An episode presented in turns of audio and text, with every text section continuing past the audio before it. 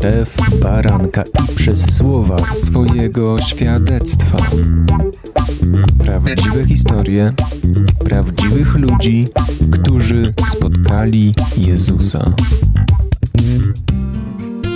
Witam serdecznie wszystkich słuchaczy Radia Chrześcijanin. E, jest ze mną dzisiaj Asia, która będzie opowiadać swoje świadectwo nawrócenia od czasów, kiedy nie znałaś jeszcze Jezusa i zawsze pytam o to, co motywowało cię w tamtym czasie.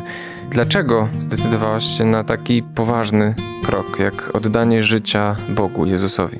Dzień dobry, witajcie. Już mówię, do tego jakby doprowadziły mnie różne okoliczności życia, ponieważ życie składa się z głębi, którą przeżywamy od małych. Jako mała dziewczynka wychowywałam się w domu, który był co najmniej trudny.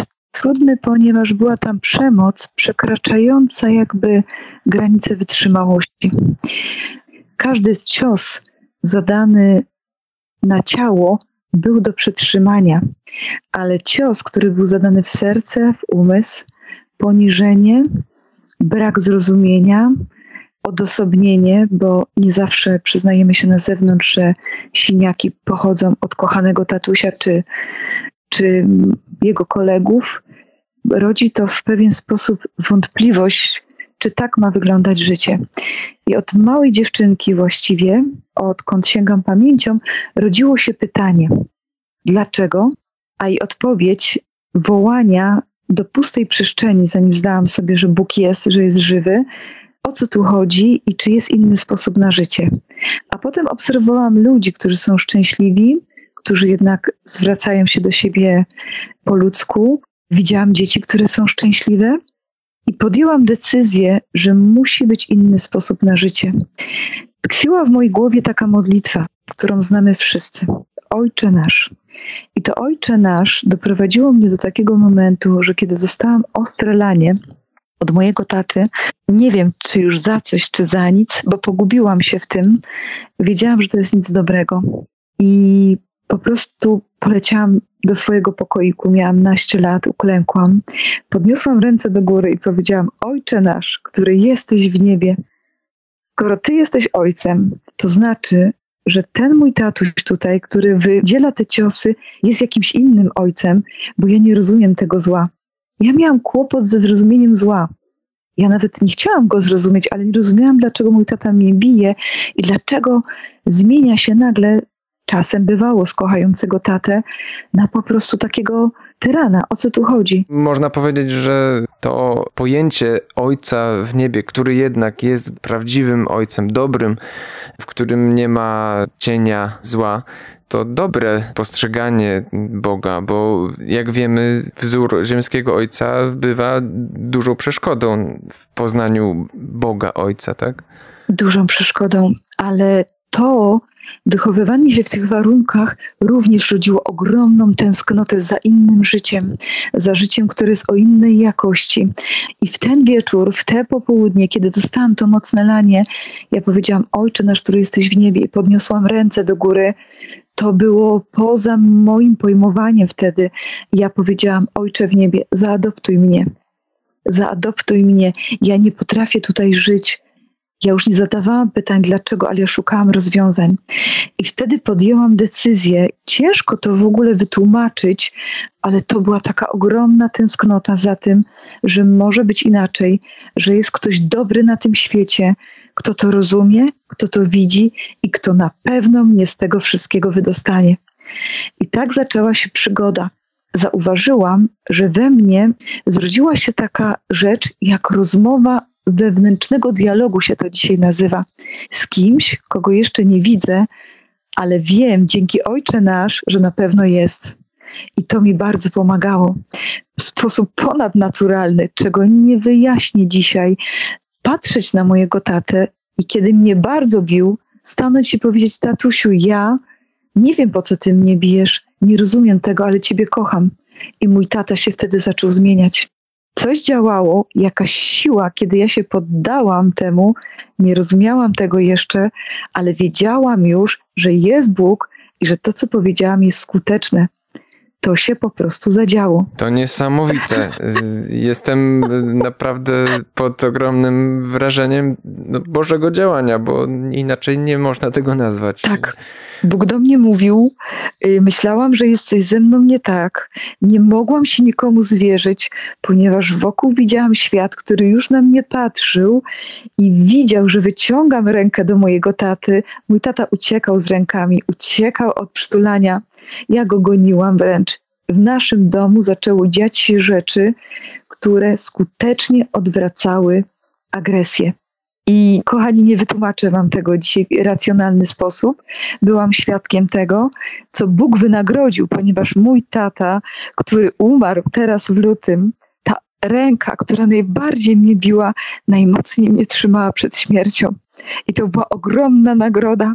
Mogę dzisiaj powiedzieć z wielu lat chodzenia z Bogiem, że stawiać trzeba na dobro i naprawdę nie chodzi tu o naiwny sposób, ale Bóg jest, jest żywy i wszystko zawsze zacznie i zakończy jak najlepiej. I tak było w moim wypadku. Czyli do gestów y, dobroci przeciwko złu, które my, można by po ludzku powiedzieć, w jakiejś głupocie robimy, to jednak Bóg przykłada swoją moc, swoje działanie, które wykracza już zupełnie poza nasze pojmowanie i mądrość, tak? Ja nawet sądzę, że zło jest bezbronne wobec miłości. Ona dzisiaj na świecie jest postrzegana jako naiwność, jako słabość, ale moi kochani, powiem Wam tak: jeśli siła rzuca się na moc Bożą, siła wroga, ona jest przegrana. Ja tego doświadczam. Jest to oczywiście druga, duża próba charakteru, bo w tej chwili jestem przed pięćdziesiątką, więc dzieciństwo już minęło, młodość już minęła, taka jakby młodzieńcza głupota już wywietrzała, a dzisiaj jestem dorosła i pozostały te metody tak zwanej walki i one naprawdę są skuteczne. Jak są skuteczne? To moje losy potoczyły się dalej tak, że ja. To zapytam e, o te dalsze losy za chwilkę, dobrze? Przerwę tylko na moment piosenkę, a za chwilę będziemy kontynuować. Słuchasz Radia Chrześcijani, ewangelicznej stacji nadającej z myślą o Tobie. Wracamy do rozmowy i do świadectwa e, Asi. Chciałbym zapytać Cię, jak obiecałem przed przerwą, o dalsze Twoje losy i jak ta walka dobra ze złem i opieka Twojego niebieskiego ojca wyglądała. Stała się rzecz najgorsza, jaką przewidywałam, ponieważ moja mamusia umarła, kiedy ja miałam 19 lat, a moja siostrzyczka 9, ja ją wychowywałam i zostałyśmy z oprawcą, który nie liczył się z nami, nie liczył się z niczym. Wiedziałam, kiedy umierała moja mama, że może stać się najgorsze. Wtedy właśnie w sposób bardzo bezpieczny Bóg nas przez to przeprowadził. Żeby powiedzieć, jak bezpieczny i jak nas przeprowadził, muszę powiedzieć o tym, że Bóg jest bardzo praktyczny. Bóg to nie jest jakiś odleciany facet z obrazka, który teraz przygląda się naszemu cierpieniu i teraz patrzy, jak ja to sobie radzę bądź nie radzę i będzie mnie karał za to albo nagradzał, tylko w sposób tak jak auto na resorach, pokazywał mi mojego tatę w bardzo dziwnym świetle. Działy się takie momenty, że my nie miałyśmy na chleb i byłyśmy w ponadnaturalny sposób zaopatrywane. Że kiedy lodówka była pusta, a nasz tatuś poszedł w tango, nie patrzył, czy jego córki coś mają do jedzenia, czy nie, nagle zjawił się listonosz, który powiedział, że jest jakiś zwrot podatku. Ktoś nam coś przyniósł do jedzenia.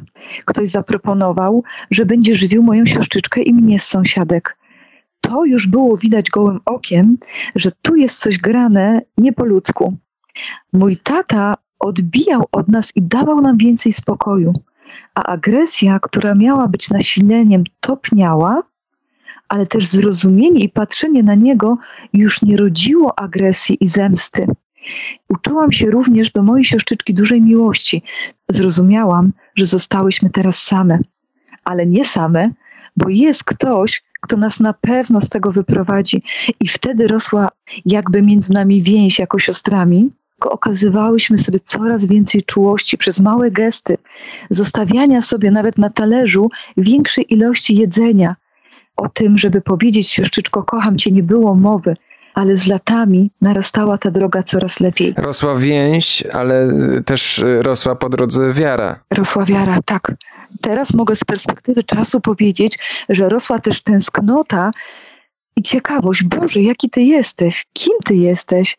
Kim Ty jesteś? Ty nie jesteś facetem, Bogiem, człowiekiem, mężczyzną zamkniętym w kościele, bo byliśmy katoliczkami i biegałyśmy do kościoła, ponieważ tam był spokój. I tam wisiał taki napis: Jestem drogą, prawdą i życiem. No, ciekawe, czy ty jesteś tą drogą, prawdą i życiem, i Bóg był dla mnie wyzwaniem. Czy mogę się do niego zbliżyć, czy aby zasługuję? Było mnóstwo pytań. A poza tym taka dziwna sprawa, którą psychologowie by dzisiaj nazwali, że ja byłam uzależniona, byłam ofiarą mojego taty, byłyśmy ofiarą i że powstała na, między nami więź. Ale powstała taka iskra. Powiedziałam tak, Boże, przecież mój tata czasem bywa fajny, przecież mój tata czasem jest normalnym człowiekiem. Nauczmy go kochać, bo jeśli on odejdzie z tego świata w takim stanie, jak jest teraz, a wiedziałam już, że wróg jest, że jest inna siła, której zależy na tym, żeby ta miłość nie wydostała się z nas. Ja to wyraźnie czułam. I powiedziałam, Boże, spróbujmy mojego tatę nauczyć. Po wielu latach Bóg mi przypomniał, że jeśli stajemy w obronie swoich, obojętnie co się dzieje, jesteśmy w stanie doświadczyć miłości i naprawdę zmiany. I kiedy poszłam pierwszy raz do pracy zarobić pieniądze na chleb dla mojej sieszczyczki i dla mnie, odważyłam się coś ukraść tej pracy. To była bardzo drobna rzecz. To był płyn do mycia podłogi, ponieważ pojawiły się wtedy pachnące płyny do podłogi. Ja odlewałam to do tego słoiczka i usłyszałam takie słowa: Zginąłem za ciebie, a ty kradniesz. I pomyślałam sobie, chwileczkę, chwileczkę, a nie miałam pojęcia, czy Bóg oddał za mnie życie, czy już zginął na krzyżu, czy ja usłyszałam to, że ja kradnę i nie muszę tego robić, bo coś się stało za mnie, ktoś zginął, żebym ja godnie żyła. I zaczęłam uczyć się godności. Czy to był też taki przełomowy moment, który skierował cię do tego miejsca, o które pytałem na początku, do decyzji i świadomości, że trzeba zrobić taki krok, jak oddać życie Bogu, ponieważ On oddał życie za nas? Ja zrozumiałam, ja to po prostu zrozumiałam całą sobą, że to nie są żarty i że ja chętnie z własnej woli oddaję to życie, ponieważ ja chcę, żeby w moim życiu było nie tak, jak było, czyli przez 19 lat, bo to w 19 roku życia mojego się stało. Ja po prostu pomyślałam sobie, od dzisiaj będę poszukiwać tego, który do mnie przemówił. Ty jesteś, ty mówisz. To mi się nie zdawało. Tylko ja i on wiedział, że, kto, że ja to kradnę. I wtedy zaczął się kocioł, ponieważ ja myślałam, że posiadanie mocy, rozwijanie się w New Age, to jest poszukiwanie Boga. Ja weszłam głęboko w New Age. Myślałam, że muszę być rozwinięta, że rozpoznawanie myśli innych ludzi, że ja będę władać pewną mocą, to jest Bóg. Takie to było poszukiwanie, ale o ten kocioł muszę Cię zapytać po przerwie. Teraz znowu będziemy mieć muzyczną chwilę wytchnienia i po piosence wracamy. Słuchasz Radia Chrześcijani, ewangelicznej stacji nadającej z myślą o Tobie. Wracamy do świadectwa, już trzeciej, ostatniej części naszej rozmowy. Asia opowiada swoją historię. No i powiedziałaś, że wpadłaś trochę w kłopoty, bo z, z, takiej szczerej chęci poznania Boga, tego, który do ciebie powiedział, wezwał ciebie do świętości, drogi podążania za nim, z takiej szczerej chęci zaczęłaś go szukać nie tam, gdzie trzeba, tak? Co się stało później? Tak, e, przede wszystkim dowiedziałam się, że można chodzić do wróżki. Z powodu strachu w moim życiu, który był dosyć wysoki, ja szłam jakby dwoma drogami. Postanowiłam zaufać Bogu, ale pomyślałam sobie, że właśnie Bóg ma taką drogę, że do wróżki to sobie można pójść, bo ona właśnie włada tą mocą Bożą i na pewno jak pójdę, to usłyszę coś dobrego i się zbuduję. Zaczęłam zapisywać się na różne kursy. New Age, kursy rozwijania energii, kursy oświeconego serca a jednocześnie po śmierci mojej mamy znalazłam pierwszą Biblię, tak zwaną tysiąclatkę, i zaczęłam nurkować w niej. chodziłam do wróżki, chodziłam na różne kursy. Chciałam być naprawdę kobietą rozwiniętą blisko Boga. No to prawdziwy kocioł, można powiedzieć. Tak, groch z kapustą. Wiedząc, że to wszystko jest pułapka. I stało się tak, że na pewnym kursie tak już byłam zaawansowana, że jeździłam do Egiptu z uczonymi oczywiście ludźmi, którzy się uważali za elokwentnych w tej sytuacji. Jeden był mądrzejszy przez drugiego, ale ciągle był we mnie pierwiastek Boga, który nie umiał zrozumieć, czy czerpać moc z Ewangelii i czytać to, czy jednak rozwijać umysł, który wszystko wytłumaczy do momentu, kiedy na pewnej medytacji pewien, nie będę go wymieniała z imienia i nazwiska, mistrz, kazał nam zamknąć oczy i powiedział: A teraz będziemy wszyscy medytować. Siedziałam naprzeciwko niego, zamknęłam oczy. To, co zobaczyłam, wyjaśniło wszystko. Wokół mnie był roztoczony ogień. Za tego okręgu ognia skradała się jakaś istota. Okazało się, że po przekroczeniu ognia ja rozpoznałam jego twarz tego mistrza New Age, a on podążał w kierunku mojego serca, wyciągał rękę i chciał wyrwać moje serce i chciał je schować do słoika. Słyszałam o takich rytuałach, ale je lekceważyłam. Ale co się stało, kiedy on się zorientował, że przy tych zamkniętych oczach ja go rozpoznaję, w tym kręgu ognia, który on przekroczył, on się wycofywał. Kiedy to się skończyło, on nie mógł dotknąć mojego serca, on otworzył oczy i powiedział do mnie: Co, cwaniaku, jesteś chroniona? A ja powiedziałam: Tak, najwidoczniej, co to było? Szybko się zerwałam, poleciałam do swojego pokoju w hotelu i usłyszałam słowa: Nie możesz przyjmować prawdy, która jest nieprawdą o tobie. To nie jest prawda o tobie. Ja cię ochroniłem. Uciekaj stąd. Niesamowite. I skończyło się. Nigdy więcej nie rzucała się na mnie żadna siła ale teraz trzeba było z tego wyjść. Kiedy przyjechałam do domu, nocą pastwiło się nade mną stado demonów. Wiem, że dzisiaj mogę to powiedzieć, bo ludzie, którzy to przeżywają, boją się być może o tym powiedzieć. Było w środku we mnie coś, pewien płomień, którego nie mogli zniszczyć. Przez cały około ponad miesiąc spałam przy zapalonym świetle. Nie zmrużyłam oka. Był to dziwny stan. W końcu wyzwałam tego, który mnie męczył na pojedynek. Stanęłam w zgaszonym pokoju, nie było światła i powiedziałam: Jeśli ty rzucasz się na Boga, który mieszka we mnie, musisz odejść. Ja nie chcę więcej takiego życia.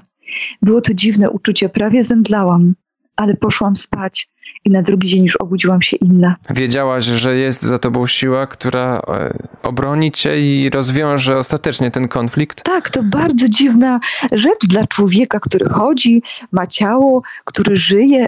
Byłam bardzo wysoko postawioną kobietą, która nie mogła się przyznawać otoczeniu, że przeżywa takie rzeczy.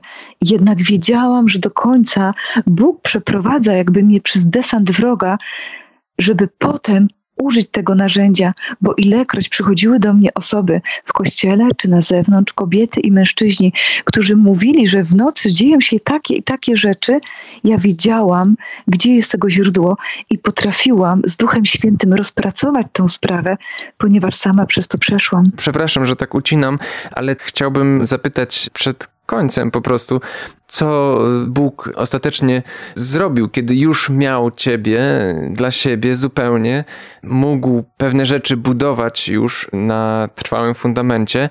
Jak wyglądały twoje sprawy rodzinne, biznesowe, relacje? Kobieta, która żyje we mnie, którą jestem, jest zupełnie innym człowiekiem. Po pierwsze, nie ma strachu. Po drugie, miałam po drodze kilka potyczek finansowych, które wszystkie zostały wyprowadzone na zero. Zdarzył mi się pewien dług, którego sama nie mogłabym podjąć, żeby go spłacić. Bóg w ponadnaturalny sposób obdarzył mnie taką częścią zarokowania, że po prostu ja w tej chwili przed każdym finansowym wyzwaniem staję i mówię: Boże, Ty chcesz, żeby Twoi ludzie chodzili uposażeni. Jeśli ja mam dawać świadectwo, nie chcę, kochani, żebyście widzieli, że to brzmi jako szantaż do Boga, ale Bóg jest zainteresowany, żeby osoby, które są z Nim blisko, były Jego radością. On lubi, jak my osiągamy sukcesy, ale sukcesy nigdy nie mogą stać pierwsze niż On, bo wtedy jest po naszym sercu. Po drugie, byłam bardzo długo samotna. Miałam inny rodzaj życia. Modliłam się o męża, i dostałam takie zapewnienie. Ja po prostu wyszłam ponownie za mąż i jest to człowiek z Bożej ręki. Poprosiłam Boga o taką krótką rzecz. Powiedziałam: Ojcze nasz, który jesteś w niebie. I znowu, Ojcze nasz, kto wydaje córkę za mąż? Jesteś moim ojcem, dlatego ty wydasz mnie za mąż. Ja tego wyboru nie dokonam dobrze. I otworzyłam pieśń nad pieśniami, i tam był taki krótki kawałek. Oto idzie oblubieniec z gór Gileadu do swojej oblubienicy. Pachnie mirą, kadzidłem i ma kędziory. No i za trzy tygodnie spotkałam kędziory na swojej drodze i już wszystko wiedziałam. Piękne. Jestem naprawdę e, tym wszystkim no, poruszony, dotknięty i, i zainspirowany dobrocią Bożą po prostu, tym jak On w niesamowity sposób prowadzi, pokonuje wszelkie e, nasze błędy, e, zawinione, niezawinione i jest w tym prawdziwa moc. Asia dzisiaj była gościem Radia Chrześcijanin. Może chcesz jeszcze ostatnie zdanie do słuchaczy powiedzieć? Tak, Y, muszę to powiedzieć, kochani, ponieważ obojętnie czy się ma 9 lat, 19 czy 47 jak ja, nudy z naszym Bogiem nie ma. Bóg jest barwny, fantazyjny. Nazwać go wywrotowcem to jest mało. Jeśli dąży do rozwiązania, to zrobi trzy szpagaty, dwa zakręty i na szczęście z niczego się nie zwierza naszemu wrogowi. Kochani, pamiętajcie, że w ostatnim momencie, w jakiejkolwiek jesteście sytuacji, przyjdzie rozwiązanie. Zawsze będzie spektakularne, zawsze Bóg jest po waszej stronie i pamiętajcie o tym, to jest najważniejsza sprawa wyboru, bo wszystko naprawdę może się zmienić. To jest przygoda i dla dziewięciolatka, i dla dziewięćdziesięciolatka. I tego Wam życzę z serca, żebyście przeżywali głęboko, bo Bóg jest do życia i zawsze chciał z Wami przygody przeżywać, nawet te najgłębsze, najintymniejsze. I tego Wam życzę z serca. Bardzo dziękuję, bo y, czuję się również adresatem tych życzeń. Zapraszam do słuchania nas za tydzień oraz na stronę Radia Chrześcijanin, żeby zajrzeć sobie i posłuchać minionych odcinków. A teraz już już yy, kłaniam się. Do usłyszenia. Jan Żyłkowski.